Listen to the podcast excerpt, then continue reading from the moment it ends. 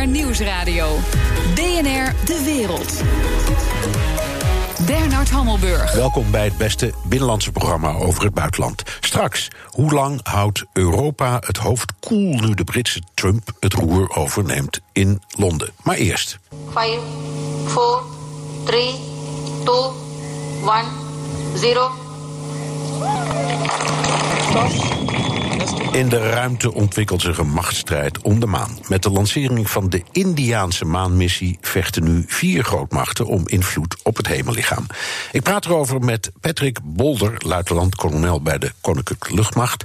En strategisch analist en ruimtespecialist verbonden aan het Haag Centrum voor Strategische Studies. Welkom. Goedemiddag, dankjewel. Ja. Um, waarom wil iedereen naar de maan? Ik denk dat er vier redenen voor zijn. Uh, ten eerste uh, de wetenschap. Uh, stenen op de maan die kunnen aangeven hoe het ontstaan van de wereld is gebeurd. Ten tweede radiotelescopen kan je aan de achterkant van de maan zetten. Daar heb je dan geen last van aardstraling. En dan kan je ook deep space exploreren. Ten tweede powerplay, laten zien ik ben er, ik kan het. Ik heb een strategische positie. En vanuit de maan en de ruimte om de maan kan je ook alle satellieten in de gaten houden. Dus je hebt echt een, een machtspositie als je daar bent. Ten derde, mining. Uh, er zijn materialen op de maan, uh, grondstoffen, die als het op aarde zeldzamer worden, kan je ze daar weghalen. Op de achterkant van de maan verwachten we dat er veel helium-3 is. En daarom zitten de Chinezen daar ook. En helium-3 kan je gebruiken voor kernfusie. En dat is een hele mooie brandstof, want die geeft geen afval. Nee, nou, het, het, ja. En er is nog een nummer vier. Ja. Uh, een lanceerplatform bouwen voor deep space exploratie. Als je op de maan een raket gaat bouwen, dan heb je door de lagere zwaartekracht die daar is, heb je minder brandstof, minder uh, kracht nodig. En geen atmosfeer, ding is meteen weg, zo gezegd. Ja, dat, dat, klopt. Je ja. bent een, stuk makkelijker de ruimte in en dan kan je verder. En uh, met onze zoektocht en speurtocht naar Mars en of daar leven is, uh, ga je dat doen. En daarom zitten de Indiërs nu ook op de Zuidpool. Precies, want dat is de vraag. Waar, die, gaan, die zijn dus onderweg naar de Zuidpool van de maan. Daar is nog nooit iemand geweest. Nee. Wat willen ze daar? Ze verwachten dat daar water is en er is ook wel aanwijzing voor. En van het water, daar kan je twee dingen doen. Daar kan je zuurstof van maken en je kan er waterstof van maken van een brandstof is. Dus dat betekent, als je water vindt, en je kan er dan plantjes bij laten groeien natuurlijk, dan kan je daar echt een maanbasis gaan bouwen. En als je een maanbasis bouwt, ja, dan kan je dus die raketbasis gaan bouwen en dan kan je verder deep space in. Ja. Waarom willen we deep space in? Ja, dat is altijd een grote wens geweest van de mensen. Maar... Ik, ik herinner me Kennedy, die uh, zijn eigen land verraste destijds met de opmerking: wij, wij, zijn binnen zoveel jaar op de maan. Toen schrokken ze zich bij NASA helemaal uh, het hoepla, want daar wisten ze niks van.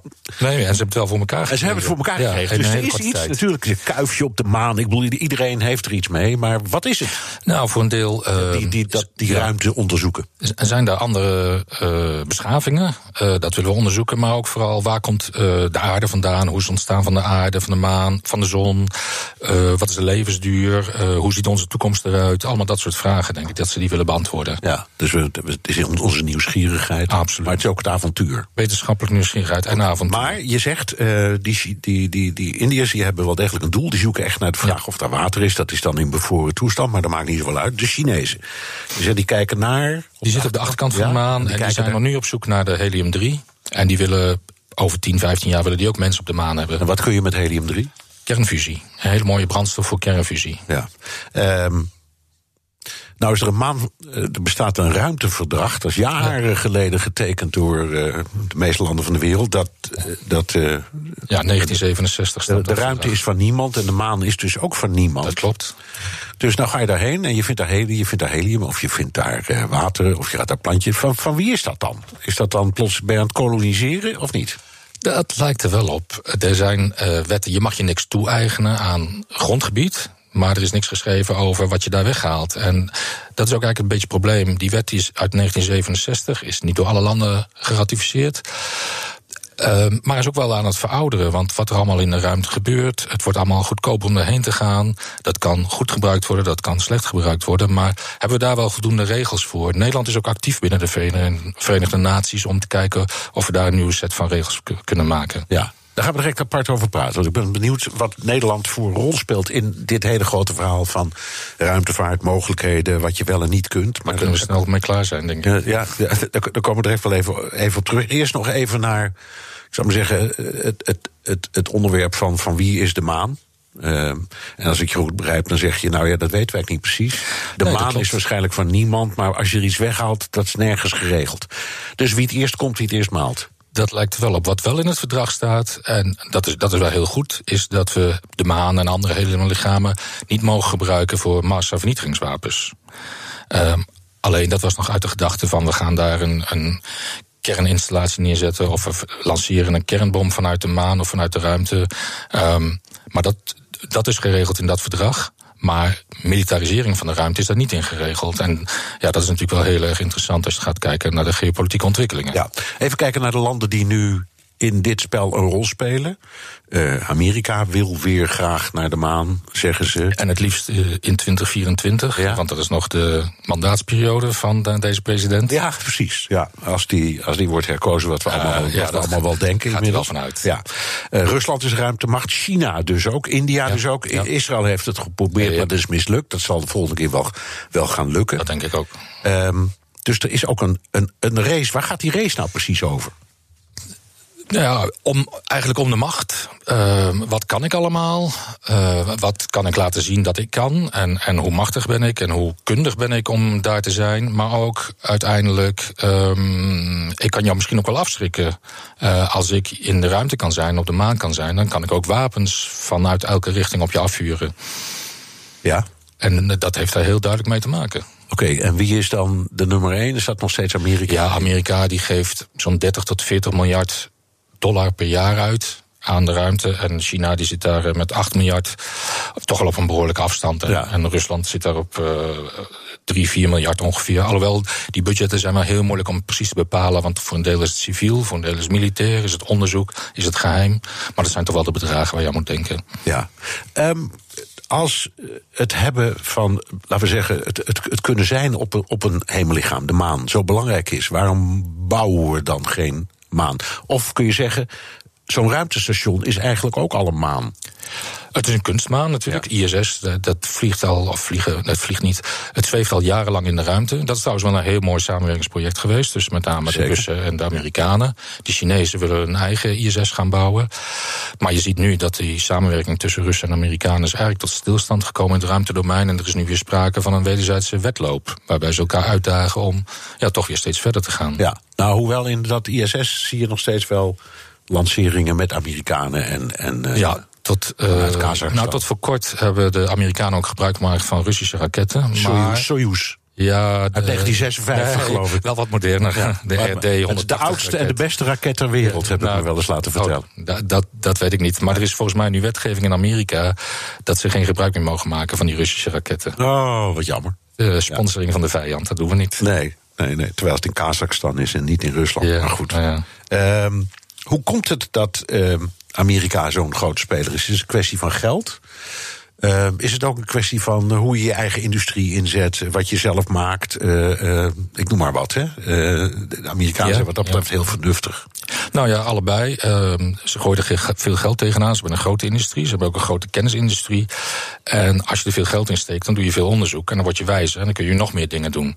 Eh, en vanuit defensie-oogpunt, ze zijn al heel snel bezig met het, begonnen van, met het beginnen van het bouwen van een eh, systeem. Wat eh, ballistische raketten, dus dat zijn raketten die de aarde-atmosfeer ontsnappen en door de ruimte gaan.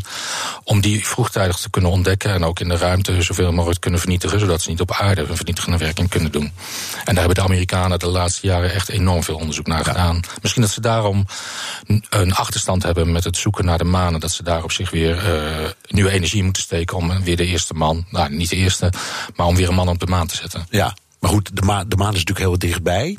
Die is relatief dichtbij. Ja, eh, de rest is allemaal veel verder Mars weg. is zes tot negen maanden eh, Precies, dat is, reizen. dat is nog een heel eindje reizen. Dat is behoorlijk. Duurt, duurt, duurt een paar dagen, eh, ik begrijp. Nou, zes maanden, negen maanden, het ligt een beetje. Ja, de vraag is of je ooit terugkomt. Het antwoord is nee, geloof ik. Ja? Ja, dat, Als, dat als het wel als het kon ging je mee? Nee. Nee? Nee, nee, nee. Ik, ik, ik blijf liever op, nee, op aarde. Oké. We, we, we gaan direct uitvoerig praten over Star Wars. Houdt Star Wars nou op science fiction te zijn? May the fourth be with you. Dat zo dadelijk. BNR Nieuwsradio. BNR De Wereld.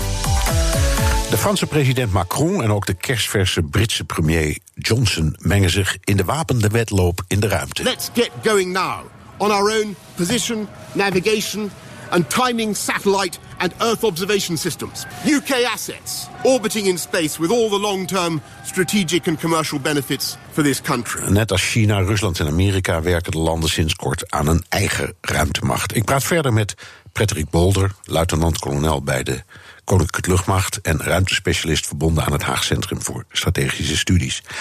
Eh, Patrick Macron zegt: eh, deze nieuwe ruimtemacht waar we aan werken is een nationaal veiligheidsbelang. Wat bedoelt hij daarmee?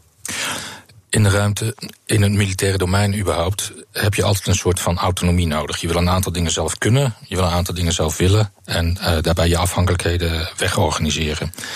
En als je gaat kijken naar welke ontwikkelingen er zijn in, in oorlogsvoeren, noem maar. Dan heb ik het over de drie I, de vier I's eigenlijk. Dat is AI, Artificial Intelligence, kunstmatige intelligentie.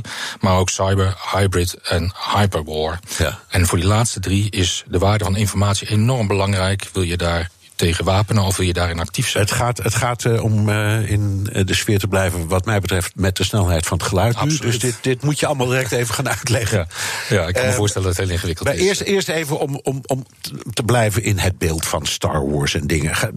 Praten we nou over van die ruimtevliegtuigen die elkaar allemaal uit de lucht kunnen schieten? Nee, absoluut niet. Ik denk dat de eerste ruimteoorlog, of de macht om de ruimtemiddelen waar het eigenlijk over gaat, zal zich op aarde afspelen. Um, dat is veel goedkoper als je er iets wil uh, verstoren om gewoon um, radiozenders te blokkeren of communicatiekanalen te blokkeren, zodat ik vanuit de aarde mijn eigen satelliet niet meer kan aansturen of geen signalen meer krijg van mijn satelliet. Dan heb je een volgende fase en dat is het, bijvoorbeeld het blind maken van satellieten door er een laserstraal op af te vuren. Ook dat kan vanaf de aarde. Um, wat nog makkelijker is eigenlijk gewoon het grondstation aanvallen met, uh, met explosieven. Ja. En dan heb je geen contact meer met je satelliet. dus draait allemaal, dit hele verhaal draait allemaal om satellieten. Nu even terug naar wat je net allemaal opnoemde. Je noemde een heleboel dingen, hybride, vertel. Ja. Oké, okay, um, ik, ik, die vier I's, uh, dat is de nieuwe manier van oorlog voeren. Hybride, dat is wat uh, Poetin gedaan heeft met het innemen van de Krim. We doen eerst wat mensen, we zeggen niet dat het soldaten zijn... en die verspreiden zich en opeens zijn het wel soldaatjes... en hebben ze de macht overgenomen. Dat is hybride oorlogvoering. Heel eenvoudig uitgelegd. Ja, geldt dat ook voor uh, groepen als IS? Kun je dat ook? Nee, nee, nee, Dat, dat, is echt heel anders. Dat is asymmetrische ja. Ja. ja. Oké, okay, goed. Nou, komen we een andere keer over spreken. Um, Nummer twee. Hy hyperoorlogvoering. Ja. We gaan uh, andere wapens gaan we zien. En uh, ook Poetin heeft daar al mee gedreigd. Hij heeft raketten die kunnen vijf tot zeven keer de snelheid van het geluid. Zegt hij zegt hij. Maar ja. ook de Amerikanen zijn ermee bezig en de Chinezen. En de kans is groot dat dat ook wel echt zo is. Um, daar kan je nou eens meer tegen verdedigen. Maar je wil wel heel snel. Omdat ze zo razendsnel zijn. En, ja. en onvoorspelbaar, onvoorspelbaar in hun koers. Dus je moet weten als ze worden afgevuurd. En dan wil je eigenlijk meteen kunnen reageren. Dus die informatie, wat gebeurt er op aarde, ik wil dat kunnen zien. Dat kan eigenlijk alleen maar vanuit de ruimte. Daar heb je satellieten voor nodig die op het aardoppervlak kijken. Ja.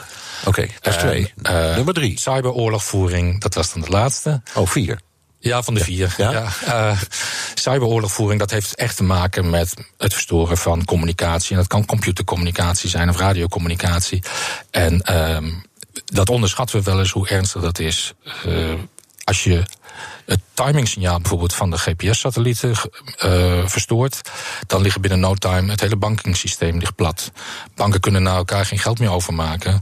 En die wil, als jij dan gaat betalen in de winkel, dan vragen ze ook van nou kunt u contant betalen, want ook mijn pinapparaat doet het niet meer. Maar dan wil je contant geld halen bij de uh, pinautomaat, maar die doet het ook niet meer. Nou, ik denk dat de chaos heel snel heel groot wordt. Of zoals gisteren, stel je voor dat op Schiphol dat het een cyberaanval is geweest. Die storing die, die, waardoor die brandstof uh, toevoer uh, ja. dicht ging. Ja. Nou, je ziet al op een kleine schaal hoe groot uh, de gevolgen al zijn. Ja. Nou, projecteer dat op Amsterdam en zet alle verkeerslichten op rood voor een uur. Nou, ik denk dat de chaos enorm is. Ja. Vooral als je dat in de spits doet. Ja, dat zijn dingen waar je ook veel hoort. Dat is ook een paar keer gebeurd. Hè. Er is een aanval geweest, ik geloof van Noord-Korea op Sony.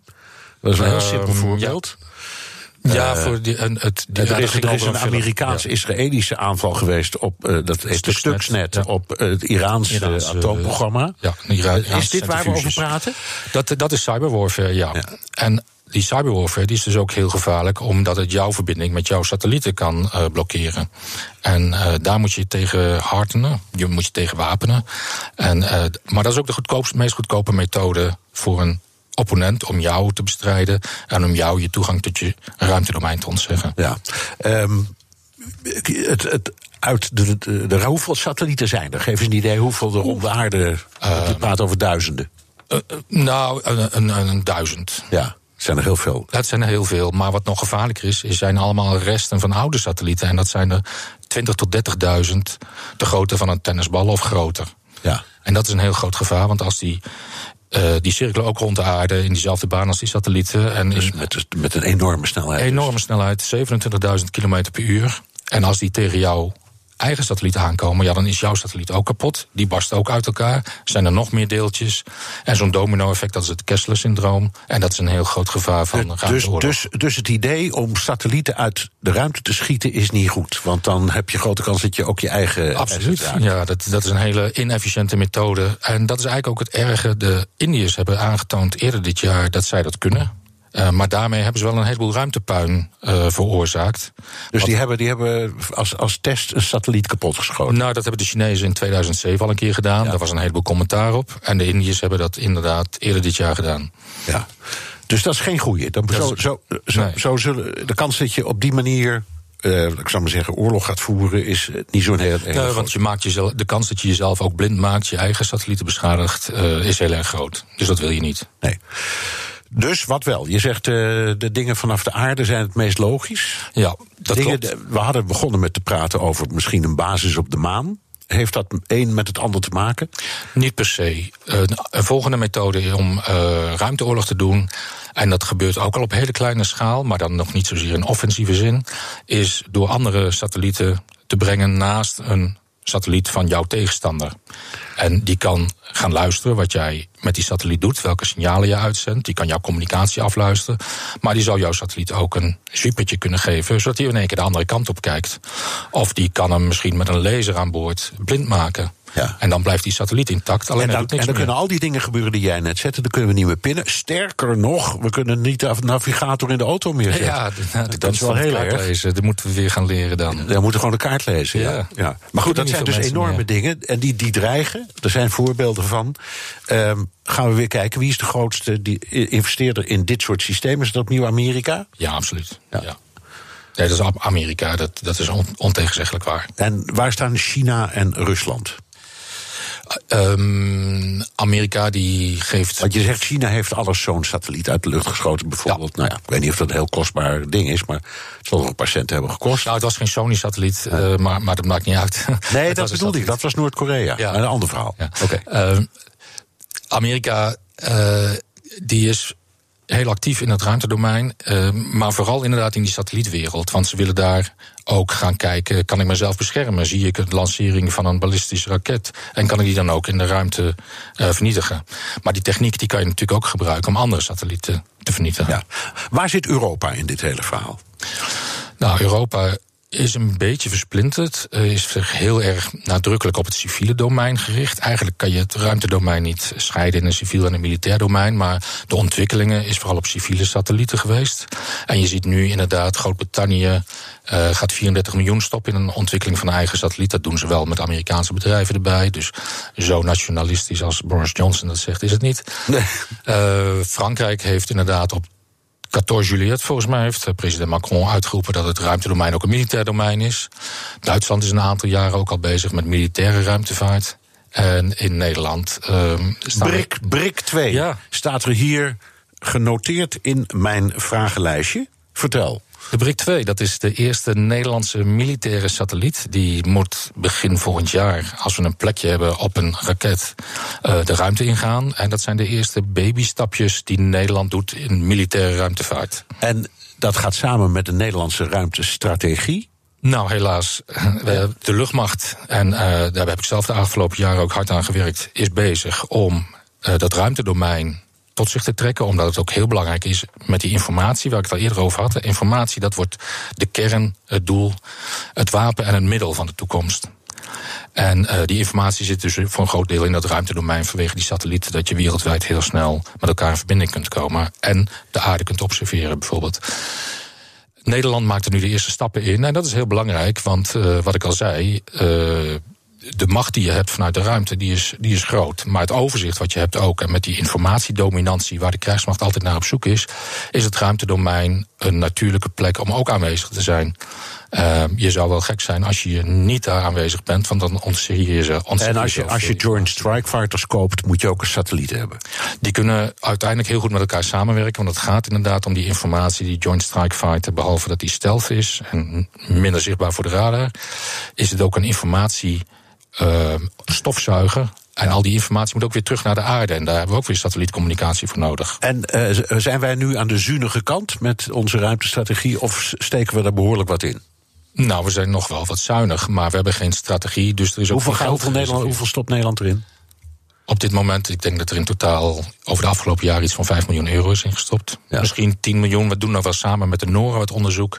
Maar meer is het niet. Nee. En, en zou het meer moeten zijn? Het zou absoluut meer moeten zijn. We zouden moeten gaan groeien naar, nou, weet ik zeg eens, 30 miljoen.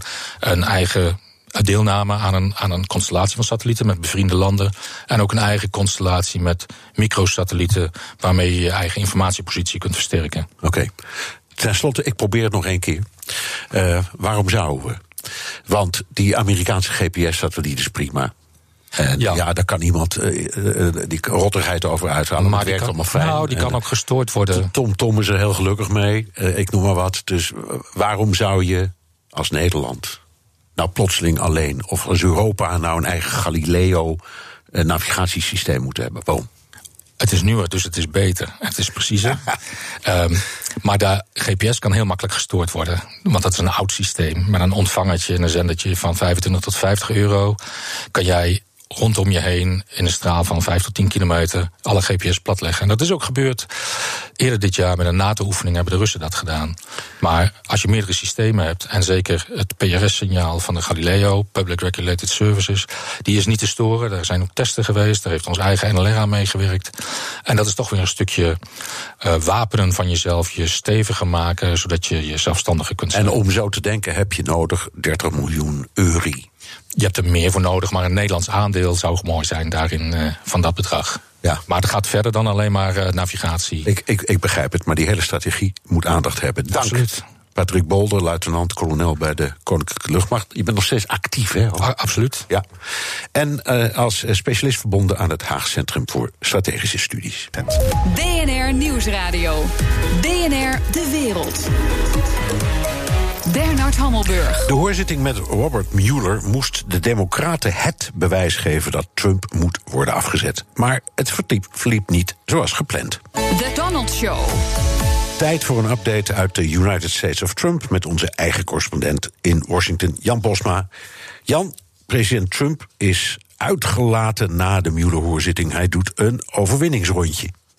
Ja, want uh, zoals jij al zei, het viel allemaal een beetje tegen voor de Democraten. En daar is Trump heel blij mee. Uh, tijdens de hoorzitting begon hij al. Hij uh, bedankte via Twitter de, de, Democraten voor de hoorzitting. Dat is eventjes pesten dus. bedankt dat jullie dit mogelijk hebben gemaakt. En daarna een hele rij aan, aan, tweets en retweets. Gistermiddag, gisteravond, vanochtend ook weer. Veel retweets van Fox News. En bijvoorbeeld vanochtend eentje, Fox and Friends. daar citeert Trump uit. Gisteren veranderde alles. De president is vrijgesproken. Het is nu duidelijk dat Muller vriendjes was met Comey. En nou ja, daarmee implicerend dat de ontslagen FBI-baas eh, Comey en Muller een soort complotje hadden. Daar is geen bewijs voor.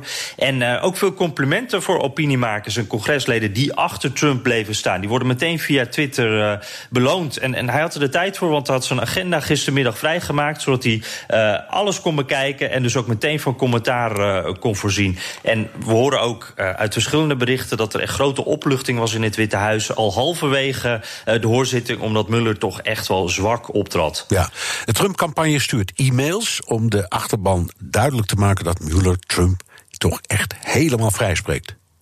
Ja, ja dat, dat berichtje dat, dat kwam al in mijn mail uh, tijdens de eerste helft. Dus in de eerste paar uur al uh, kwam er een samenvatting van wat uh, Mueller volgens, de Trump, ja, volgens de Trump-campagne gezegd had. En dat kwam van de Trump Rapid Response. Dat is het team dat heel snel reageert op de actualiteit. En ik had nog nooit echt een mailtje van hun gehad, naar mijn weten. Het was, je hoort er altijd wel over dat ze bestaan, maar dus ook in die naam mailen ze dan. En. Ja, dat was wel heel sterk gedaan. Je kreeg uh, videootjes van Muller. Uh, en daarbij stond dan van ja, uh, er zijn eigenlijk drie punten: no collusion, no obstruction. En een president is nog nooit zo slecht behandeld. Met dus het bewijs er meteen bij. Maar ja, dat bewijs, die quotes, die waren wel echt compleet uit de context gehaald. Want Muller zegt ook letterlijk in het verhoor dat hij de president niet vrij kon spreken van, van belemmering van de rechtsgang. Dus dat spreekt echt die mail tegen. En de Washington Post die noemde het a message from opposite land. En dat was het ook wel een beetje. Een soort, uh, oh, uh, ja, alles uh, andersom land. En ja, dit is een beetje die, die Trump-stoomwals. Alle oneffenheidjes die worden eventjes gelijk gemaakt... en tot er helemaal geen problemen meer zijn voor de president. Nee, ik moet altijd denken aan jouw theorie over Steve Bannon... die ja. in zo'n geval zei, hou gewoon vast aan je frame. Dus blijf gewoon ja. zeggen wat je... En dat is, dat is hier duidelijk het geval, hè? Precies, double down. Ga er nog harder in. Ja, helemaal. Ja. Ja, ja, Op Fox News natuurlijk veel bijval. Ja, uh, je, hebt dus Trump zelf, je hebt de Trump-campagne... En, en dan is dit een beetje de, de, derde kracht eigenlijk. En die krachten die werken allemaal samen. En, en dat begon natuurlijk als een soort echokamer... dat je dingen van Trump terughoorde op Fox News en vice versa. Inmiddels weten we niet meer wie, wie napraat. Uh, maar hier bijvoorbeeld uh, Fox News-corrivee Sean Hannity. vanavond belt Trump trouwens ook weer in, in zijn show. Dus die, die zijn echt vrienden, die twee. En die Hannity die, die stelt vragen op tv. En, en de site Media, Media viel op dat de, de congresleden in de hoorzitting, ja, dat, die moeten wel naar Fox News kijken. Eerst hoor je Hannity en dan een Republikeins congreslid. Is it fair to say, Mr. Mueller, that you're friends with Jim Comey? You and James Comey have been good friends or were good friends for for many years, correct? Does the president have the authority under Article 2 to fire an FBI director? Can't the president fire the FBI director at any time without reason under Article 1 of the Constitution? Or even you? Can't he also fire you as special counsel at any time without any reason?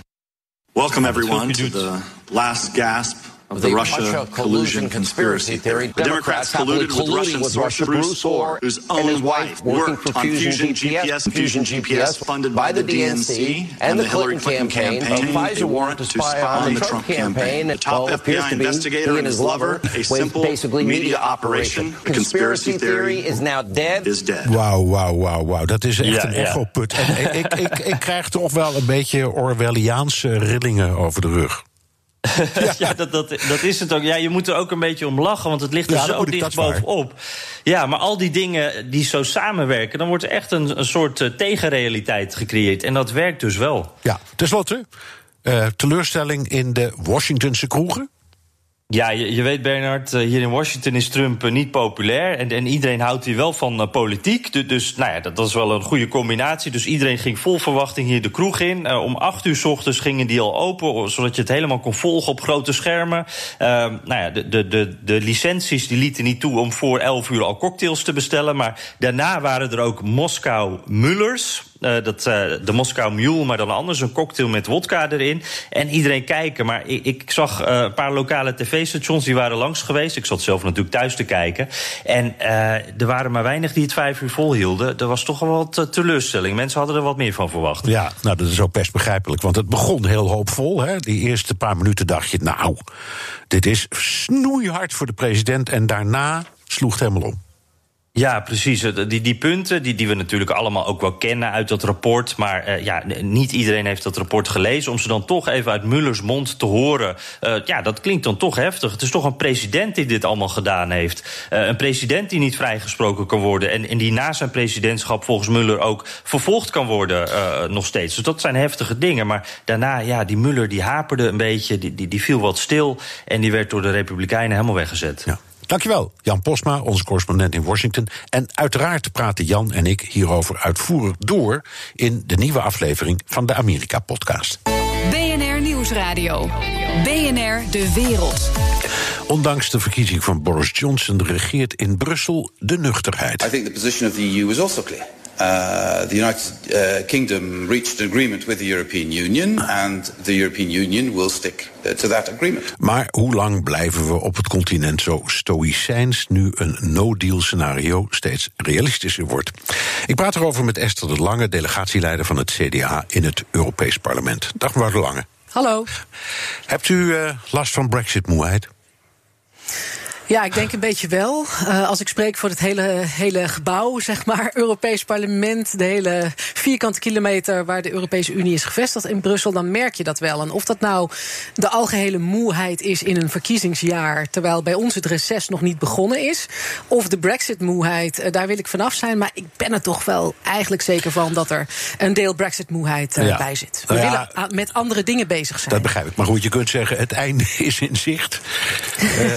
Lang langzaam. Tenminste, ik bedoel het reces, mag ik hopen. Ja, precies. Um, ja. Maar wat betekent het nu? Uh, wat merkt u van die brexit-moeheid en hoe de EU zich opstelt tegenover Boris Johnson? Nou, dat merk je op twee fronten. Die moeheid zit met name in, in de reactie bij collega's. Zo van, we zijn nu eigenlijk al drie jaar met die brexit bezig. Uh, terwijl we net een nieuwe voorzitter van de Europese Commissie hebben gekozen. Er staat veel op de agenda, er gebeurt veel, veel in de wereld. Dus wij willen met die Unie van straks 27 landen bezig zijn. En niet met, altijd met dat ene land um, dat wil vertrekken. Dus dat is het algehele gevoel. En de reactie van de EU op ja, de ontwikkelingen in het Verenigd Koninkrijk... naast de normale felicitaties die je uitbrengt op het moment dat er een nieuwe premier is, is vooral uh, de reactie die er altijd is. De Unie kan ook niet anders. Wij zijn een Unie gebaseerd op regels en recht.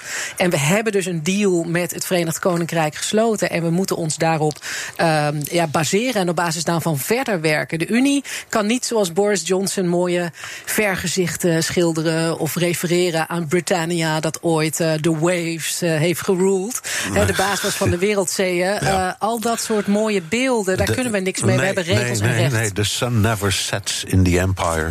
Ja, ja ze, ze, willen het zo graag weer terug. Maar ik weet ook niet of dat in de 21ste eeuw nog zo kan... als de Brexiteers het zich voorstellen. Nee, laten we even kijken naar zijn, zijn voorganger. Theresa May is opmerkelijk weinig over gesproken, vind ik, de afgelopen dagen. Behalve dan in een aantal Britse media. En die zijn meedogenloos over haar. Hoe kijkt u terug op haar periode als premier? Ja, zij zal uh, niet met een positieve record de geschiedenisboeken ingaan. Zeker in het Verenigd Koninkrijk niet. Aan de andere kant, met een Brusselse bril op kijkend, was Theresa May wel iemand die erkende dat je uiteindelijk tussen het Verenigd Koninkrijk en de EU uh, op basis van, van afspraken, van regels, uh, binnen een kader een manier moet vinden om die Brexit geordend te regelen. Dus zij dacht eigenlijk heel heel Bru Brussels. En misschien dat ze daarom wel zo wordt afgeslacht in het Verenigd Koninkrijk. Dat helemaal eigenlijk niks op heeft met ja, zo'n zo'n zo'n kader dat gebaseerd is op regels. En dat zegt als je op onze markt wil zijn, dan moet je je aan onze afspraken houden. Ja, daar hebben ze helemaal niks mee in de, in de, in de publieke discussie op het moment nee, in het nee, VK. Nee, en als je zo ook de verhalen hoort, wat bij, bij haar rondom tafel zat in kabinetsvergadering, was een, een, een mengeling van uh, Remainers en Brexiteers. En dat had ze expres zo gedaan. Is dat misschien fout geweest? Want Johnson die heeft dat eigenlijk meteen het mes erin gezet en zegt weg met al die remainers. We, we, moeten duidelijkheid, dus we moeten op dat punt allemaal ongeveer langs dezelfde lijn denken. Dat is voor iedereen beter, ook voor de EU.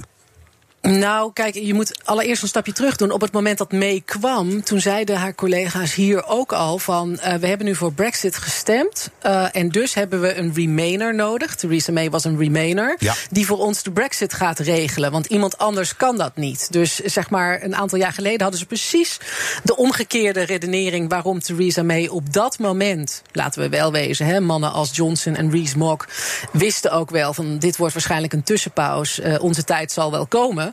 Uh, maar he, toen hadden ze de tegenovergestelde redenering. Wat Johnson nu heeft gedaan, daar zit inderdaad in dat kabinet een aantal hardcore Brexiteers die er ook vanaf het begin bij waren. Kijk naar zo iemand als Theresa, Theresa Villiers. Uh, ja. Dat was eigenlijk een van de mensen die in de Tory-partij uh, destijds al gepusht heeft voor dat referendum.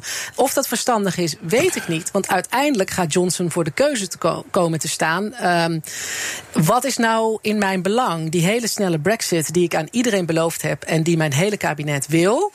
Of uiteindelijk premier blijven en misschien wel op langere termijn die brexit voor elkaar krijgen. Ja. Dat gaat op een gegeven ogenblik schu- schuren, die twee dingen. Gaan we, gaan we direct uitvoerig nog over praten, uiteraard. Eh, nog even één dingetje. Hij, eh, Johnson is gekozen met, eh, door, door 90.000 partijleden, voornamelijk witte mannen van middelbare leeftijd.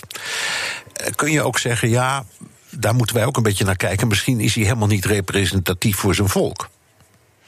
Nou ja, dat, dat, dat, ehm, eh, ik moet daar een beetje om glimlachen, omdat wij vorige week in Straatsburg inderdaad Nigel Farage hadden die opstond en die begon te klagen over de smalle meerderheid die ehm, Ursula von der Leyen in het Europees Parlement eh, voor elkaar kreeg om voorzitter te worden van de Europese Commissie. En dat vond hij niet democratisch en niet representatief, terwijl inderdaad er nu een premier zit in het Verenigd Koninkrijk, ja, die eigenlijk nooit lijsttrekker is geweest, die de Britten nooit hebben kunnen kiezen.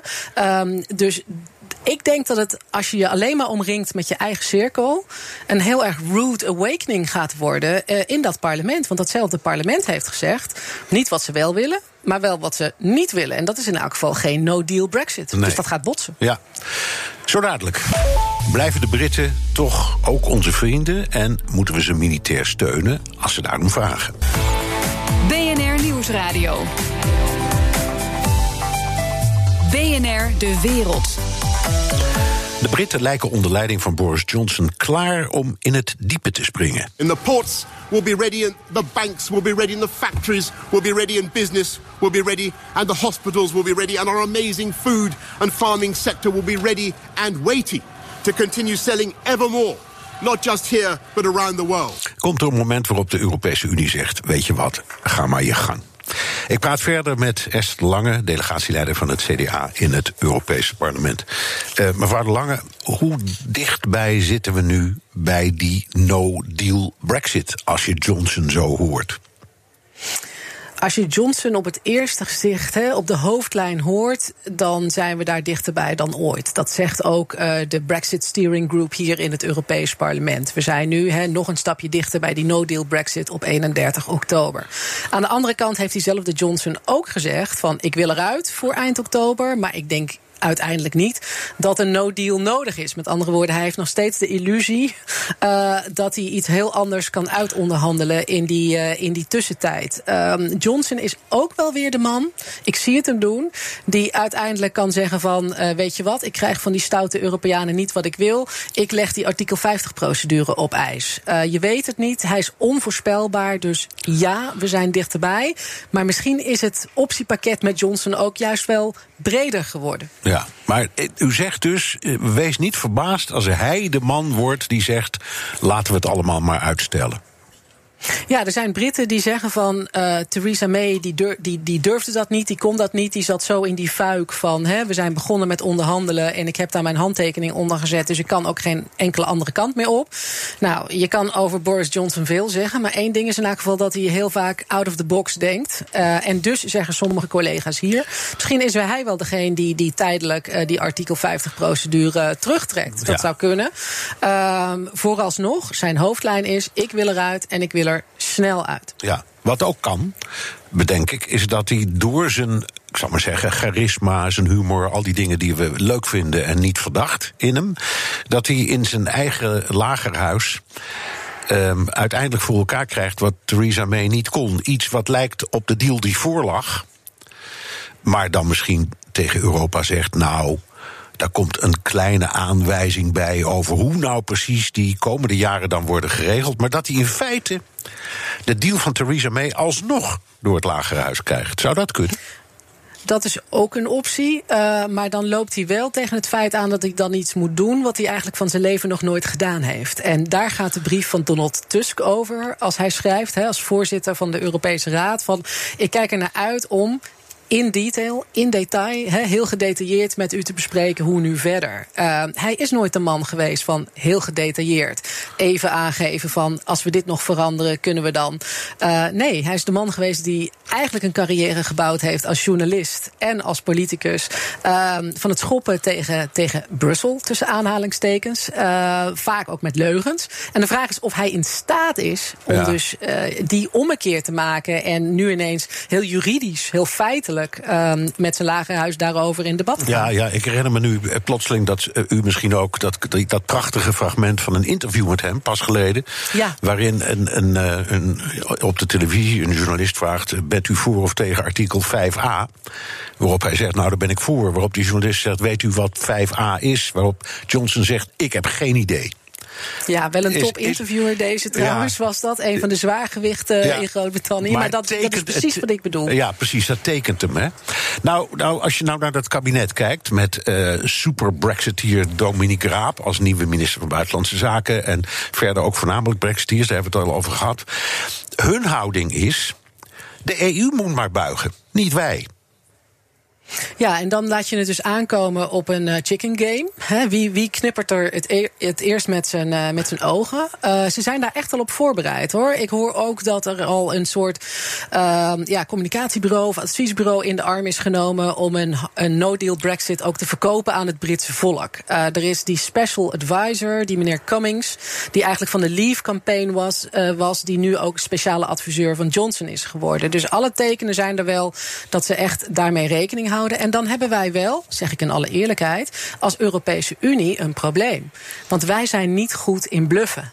Nee. En wat de Britten dan gaan doen, is bluffen. Terwijl we weten, rationeel gezien, dat de uiterste consequentie van bluffen veel meer pijn doet aan Britse kant dan aan EU-kant. Ja, maar wij zijn daar niet goed in. Nee, het zijn geweldige pokeraars, dat is waar. Ehm, en je, je kunt ook zeggen, ja, als je kijkt naar eh, het recente verleden... op 31 maart eh, had, had het Verenigd Koninkrijk er al uit moeten zijn. En dat hebben we gewoon verloren hè, als EU, die slag. Ja, je hebt dus, eh, als je zegt van ik kan de Britten op inhoud ni- niks geven, dat zegt de EU e- eigenlijk. En dat zegt de EU terecht. We kunnen het daarover hebben, want ook in Nederland eh, roepen delen van het bedrijfsleven van nou, buig nou een beetje met ze mee. Als je het bedrijfsleven dan uitlegt dat meebuigen betekent dat Britse producten die niet aan onze eisen voldoen, die goedkoper geproduceerd zijn, toch die markt op moeten en dat zij daarmee moeten concurreren, dan zeggen ze: oh ja, nee, toch maar niet. Hè? Dus, dus denk nou mee. Ehm, en nu ben ik mijn gedachtegang kwijt. Ja, maar Sorry. ik pak hem even op. Eh, Ja. Ik pak hem even op. Eh, eh, de Ursula von der Leyen, de nieuwe voorzitter van de Europese Commissie...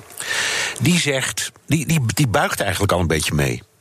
Ah ja, het was het buigen. Ja, en, dat was mijn punt. Als je dus op inhoud zegt: ik kan niet buigen, dat zeggen ze terecht. Dan heb je alleen nog maar tijd om eh, een beetje flexibel te zijn. En dat is wat Ursula von der Leyen gedaan heeft. Ook al in haar eerste speech als, als kandidaat, toen nog commissievoorzitter.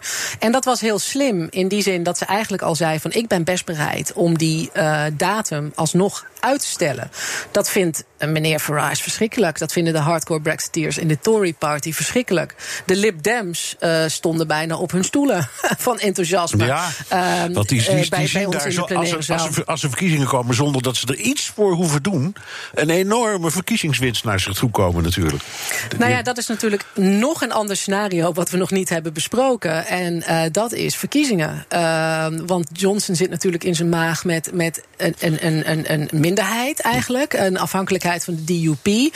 Eh, gaat hij eh, verkiezingen uitroepen of gaat hij gedwongen worden om verkiezingen uit te roepen? Omdat dat lagerhuis in opstand komt. Bijvoorbeeld tegen een dreigende no-deal Brexit. Ja. En wanneer doet hij dat dan? Ja, en of Eh, de- doet hij dat dan of- voor of, of- na 31 oktober? Of herhaalt hij dan de fout van mee en denkt... nou, misschien win ik er een paar zetels bij.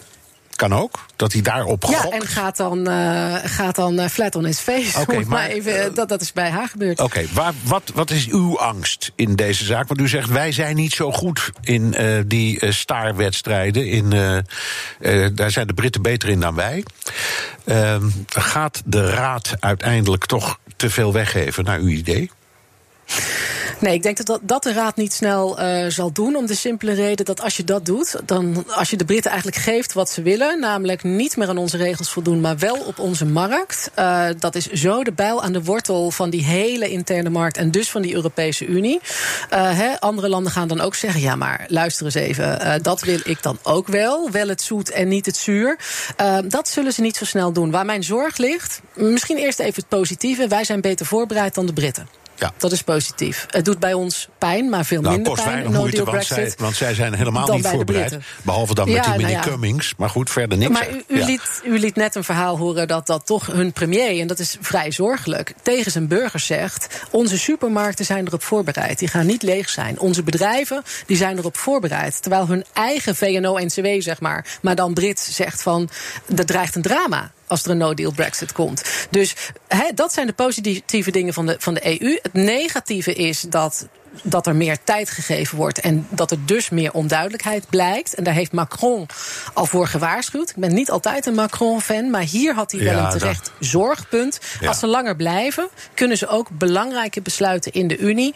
Denk over de meerjarenbegroting, alle nieuwe hè, structuurfondsen, het landbouwbeleid. Moet allemaal het nu leest geschroeid. Ja, als ze daar gaan eh, eh, de hakken in het zand zetten en gaan blokkeren, dan kan dat potentieel heel Ja, dan, dan ondermijnen ze de EU van binnenuit, als het ware, omdat ze nog lid zijn.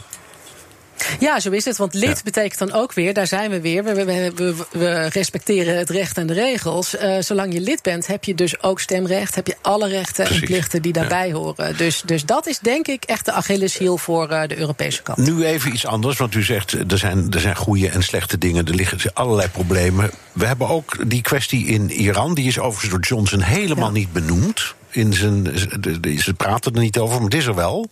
Hè, dat die in beslag genomen tanker, Ja. de straat van Hormuz. eh, het verzoek van de Britten aan de EU om militaire hulp. Ehm, tegen de achtergrond van dit alles moet Europa daarop ingaan.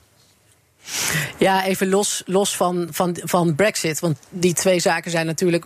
Wat mij betreft niet, niet zo één op één gelinkt. Maar natuurlijk zeggen mensen hier wel van... isn't it ironic? Wat ze nu eigenlijk vragen, de Britten... is uitgerekend Europese support... als het gaat om militaire, in dit geval eh, eh, eh, marine samenwerking. Dat hebben ze jarenlang, decennia lang gedwarsboomd. Wegens, hè, dat moet Europa vooral niet doen. En nu vragen ze erom. Even los van de brexit. Ik vind het terecht dat het Nederlandse kabinet dit, eh, dit in overweging eh, neemt. Maar ik denk dat het ook verstandig is dat ze hier niet hals over kop op reageren. Want deze regio is een kruidvat. En vraagt vooral voor, om een heel erg eh, koel hoofd. Als dat verkeerd gaat, klapt onze economie Ja, in elkaar. dat- Doordat de, de olie-export gewoon voor een vijfde daardoor die straat van Hormuz Ja, nou, gaat. het kabinet heeft gezegd half eh, augustus, op zijn vroegste, Ja. komen we met een reactie. Zowel op het Britse als op het Amerikaanse verzoek. Wat, wat weer een andere dynamiek heeft, zou ik maar zeggen. Ja, en de rol van de Amerikanen moet je dan ook nog eens heel erg goed bekijken. Want zijn de Amerikanen daar niet voor een deel aan het verdeel en heersen in Europa? En eh, het feit dat de, de Britten die, die, die eerste tanker hebben aangehouden bij Gibraltar op verzoek van de Amerikanen, geeft volgens mij toch ook wel aan dat de Britten toch, als ze moeten kiezen, altijd, altijd eh, aan. aan de Amerikaanse kant staan op basis van die zogenaamde special relationship. Die je- zij nog steeds denken dat er is. Ja, Maar we gaan natuurlijk die twee tankers gewoon tegen elkaar uitruilen. hè. Dus dat wordt de oplossing. Ja, maar laten we vooral een koel hoofd houden. Ja. Eh, en dat in alle rust doen. Oké. Heel hartelijk dank. Esther de Lange, delegatieleider van het CDA in het Europees Parlement. En tot zover BNR De Wereld. Terugluisteren kan via de site, de app, iTunes of Spotify. Tot volgende week.